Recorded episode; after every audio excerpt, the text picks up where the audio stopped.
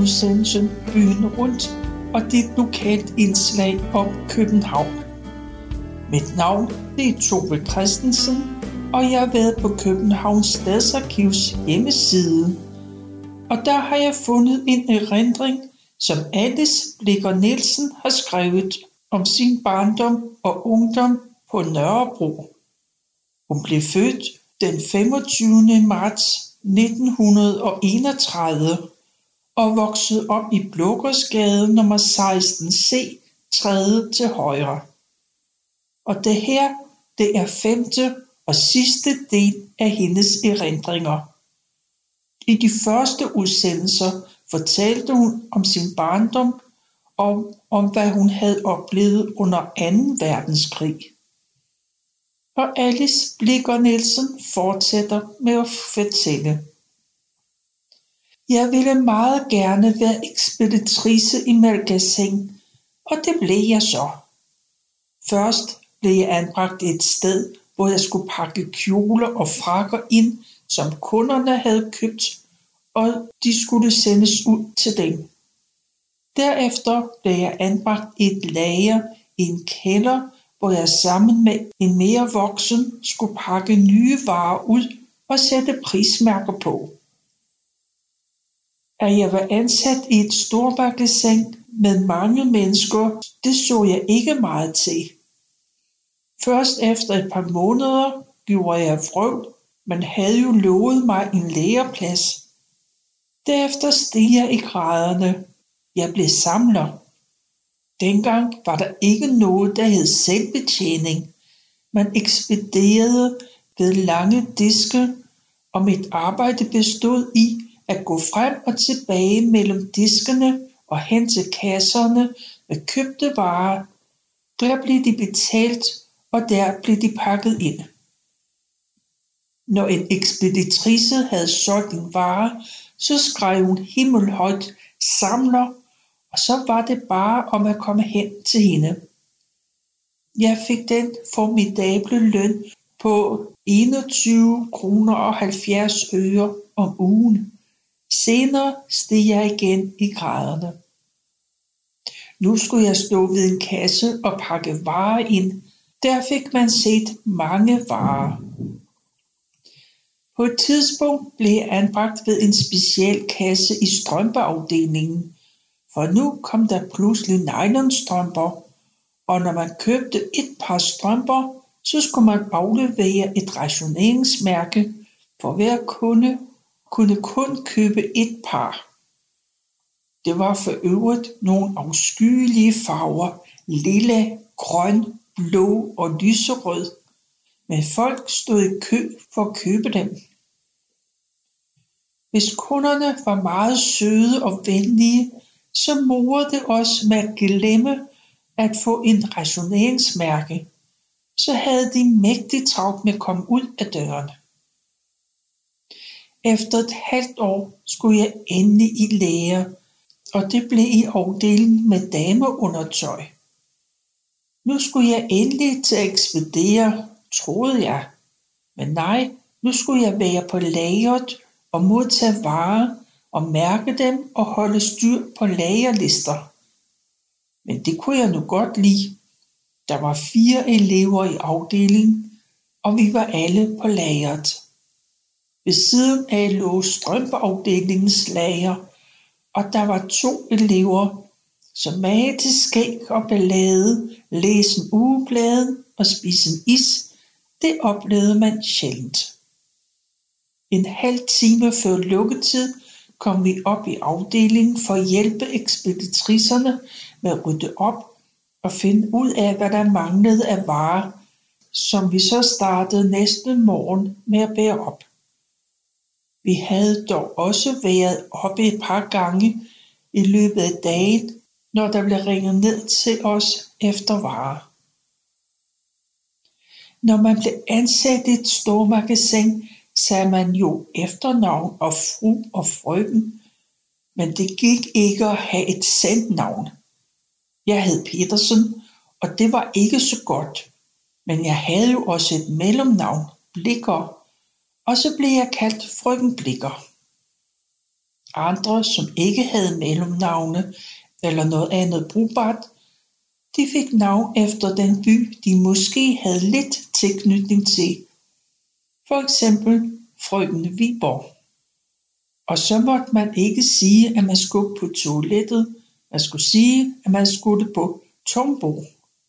Og det var egentlig kun tilladt en gang om formiddagen og til frokost, og en gang om eftermiddagen og højst et kvarter.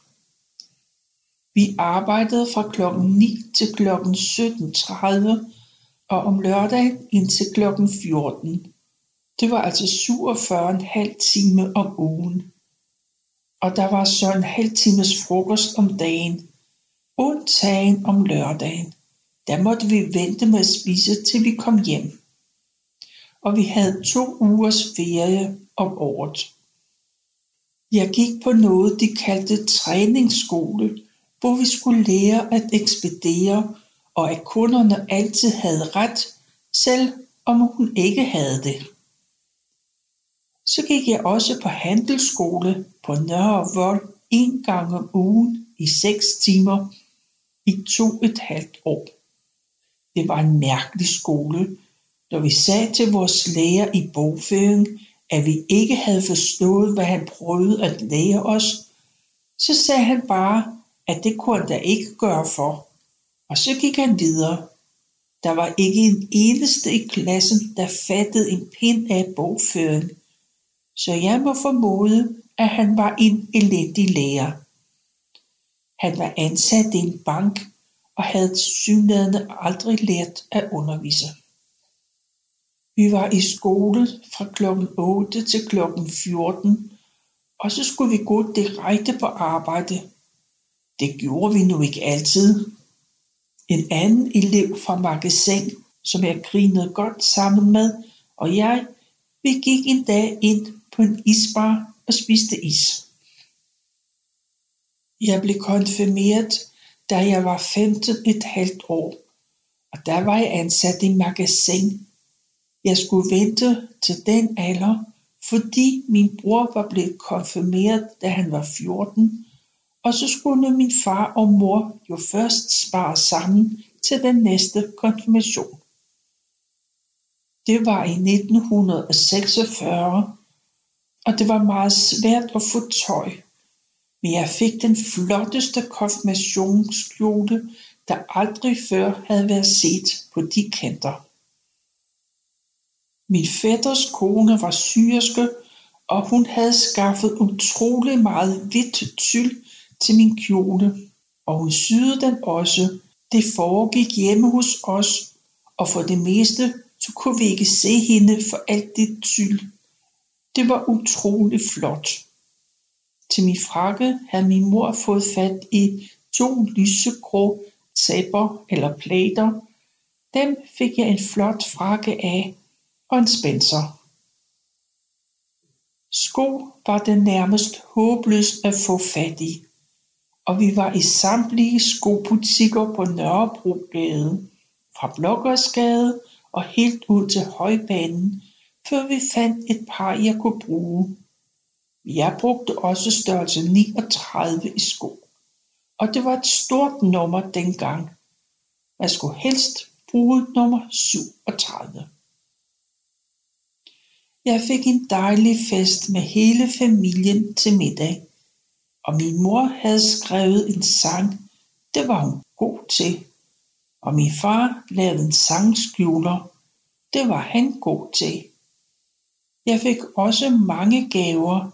Af min far og mor fik jeg et sølvarmbånd og en sølvfingerring. Jeg har den nu. Men tilbage til elevtiden. Man var på turnus i forskellige afdelinger en del af elevtiden. Jeg var i blandt andet strømpeafdelingen og paraplyafdelingen. Vi skulle feje guld på lageret, men vi havde ingen kost. Det havde de til gengæld i strømpelageret. Der var en åbning for oven mellem de to lagre, og når vi skulle bruge kosten, blev den bare smidt den vej ind og landede så på gulvet eller på bordet. En dag havde jeg lånt kosten, og den skulle returneres. Eleverne fra strømpelageret var gået op i afdelingen, så jeg satte den op til åbningen og vippede den ind. Og nu hørte jeg en derinde fra udbryde. Hvad i alverden er det? Jeg kunne høre, det var deres første dame. Jeg blev skrækslagen. Jeg troede jo ikke, der var nogen derinde. Jeg spændede ud af lageret og gik rundt i gangene. Jeg turde ikke gå tilbage lige med det samme. Men det gjorde jeg efter at have sundet mig lidt.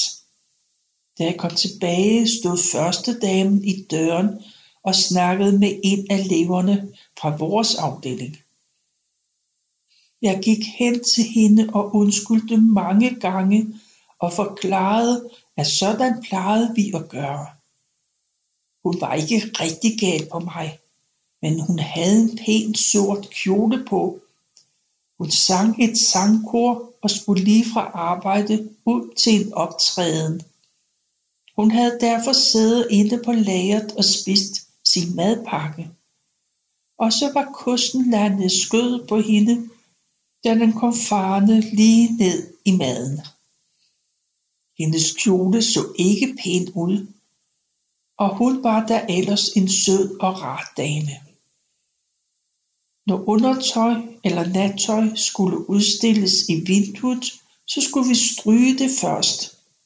Det havde indtil nu været silke eller bomuld, men nu kom der nylon, og det vidste vi ikke så meget om, kun at det var meget dyrt.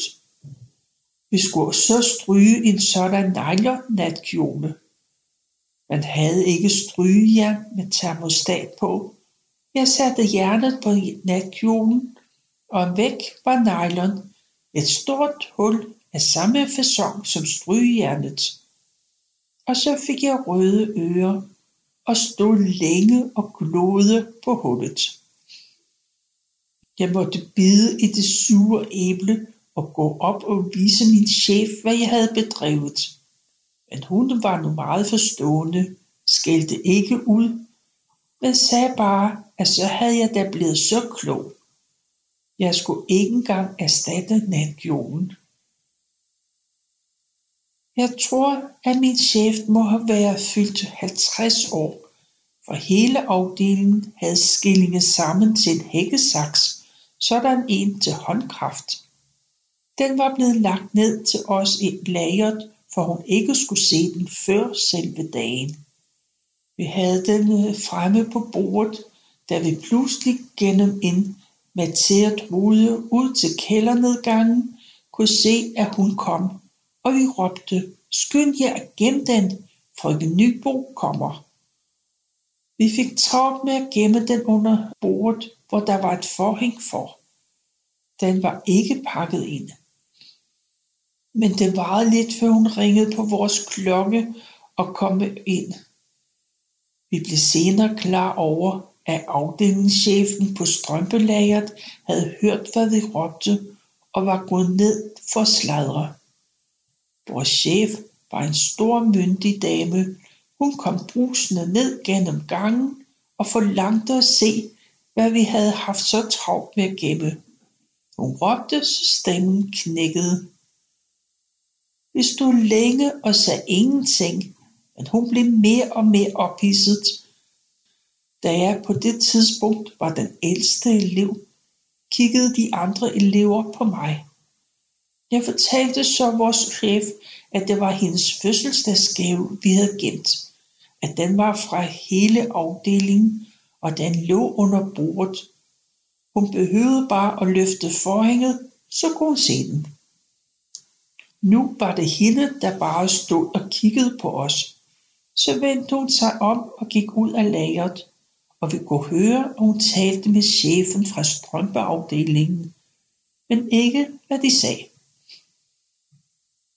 En anden elev og jeg synes en dag, at vi skulle forsøge at pynte på vores udseende, og aftalte, at vi skulle klippe vores hår, så vi fik pandehår. Det var bestemt ikke noget, der blev brugt dengang. Da jeg kom hjem om aftenen, tog jeg en stor tot og redte ned i panden, og så klippede jeg den bare af. Nu havde jeg pandehår. Min far og mor så lidt mærkeligt på mig, men de sagde ikke noget.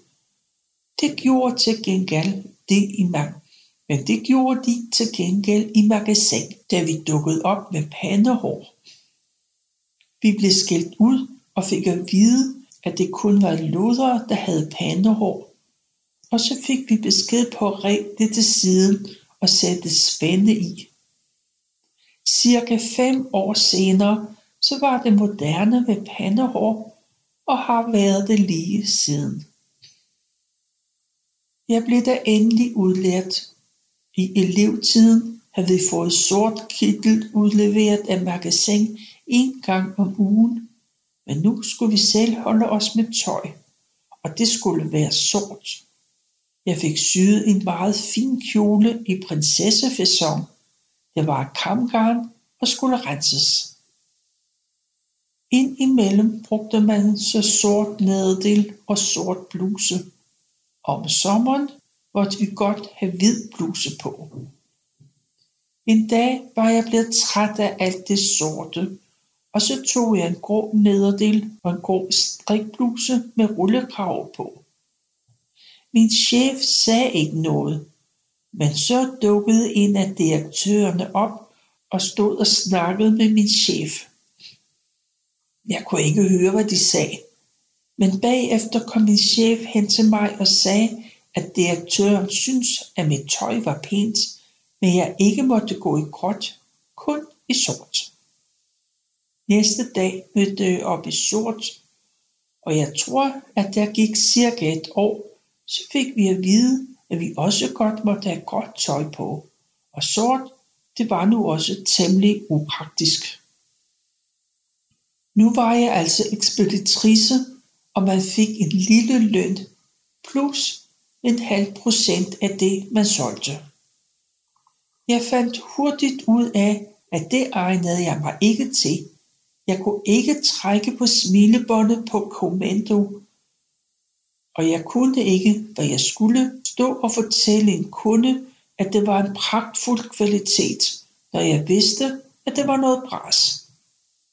Man skulle også, når man havde solgt en natkjole, fortælle kunden, at vi også havde nogle yndige skørter eller andet, som hun absolut måtte eje. Det kunne jeg ikke gøre, og jeg bad om at komme på et kontor. Jeg kunne godt lide den tid, hvor jeg havde passet vores lager. Men det ville de ikke høre på. Jeg skulle fortsat være ekspeditrice. Så det var jeg så, uden nogen større succes. Vi skulle også sminke og male os og have røde negle, men jeg har aldrig været typen på alt det. Jeg var mere over i sportstypen. Jeg tror, at det var i 1950, at jeg var med til indvielsen af den rullende trappe, og der var en større festlighed om morgenen, inden butikken åbnede. Og så havde man mange sjove udstillinger. En gang var der en forårsudstilling med rigtige træer alle vegne. Samtidig havde man hængt fuglebuer op utrolig mange steder. Der var vel et bur for hver fjerde meter. Der var kanariefugle i buret, og der var en herlig fuglekor, der mødte os om morgenen, inden butikken lukkede op. På hjemmefronten var der skæg og ballade. Min brors og mine venner kom og gik som om de boede der, og vi var altid alle sammen inde i stuen. Min far og mor deltog lystigt i alt, hvad der foregik, og det kunne alle godt lide. Nogle gange var vi måske op til 10 mennesker i stuen, så spillede vi et spil kort, som vi kaldte tips. Det var mægtig sket med så mange om bordet. Nogle gange lavede vi stuen om til et bordtennishal, og der kunne vi også være mange om at spille mod hinanden. Når klokken var hen ad 10, så lavede min mor te til os alle sammen og smurte franskbrød. Så sad vi rundt om spisebordet alle sammen, og snakken gik lystigt.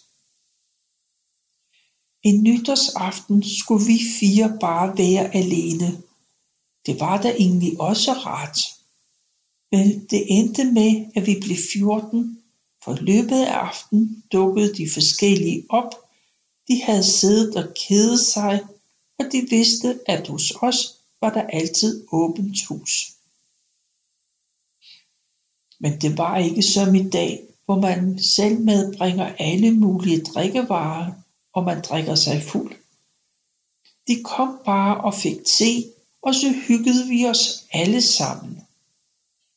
Til min fars og mors sølvbryllup var der mange af vores kammerater med, og to af dem havde skrevet en sang til min far og mor. De kaldte det for Det lille tehus. Det var der i øvrigt et teaterstykke, der hed. Og i sangen takkede de min far og mor for deres store gæstfrihed og alle de mange gode diskussioner, de har haft. Det var pænt gjort. Min mor og jeg grinede godt sammen, Navnet, da jeg var 16-17 år. En dag så skulle vi i Nørrebros Teater og se en operette. Vi have set den før, så de andre to ville ikke med. Vi ville ikke komme for sent. Det begyndte klokken 20, så vi var der god tid.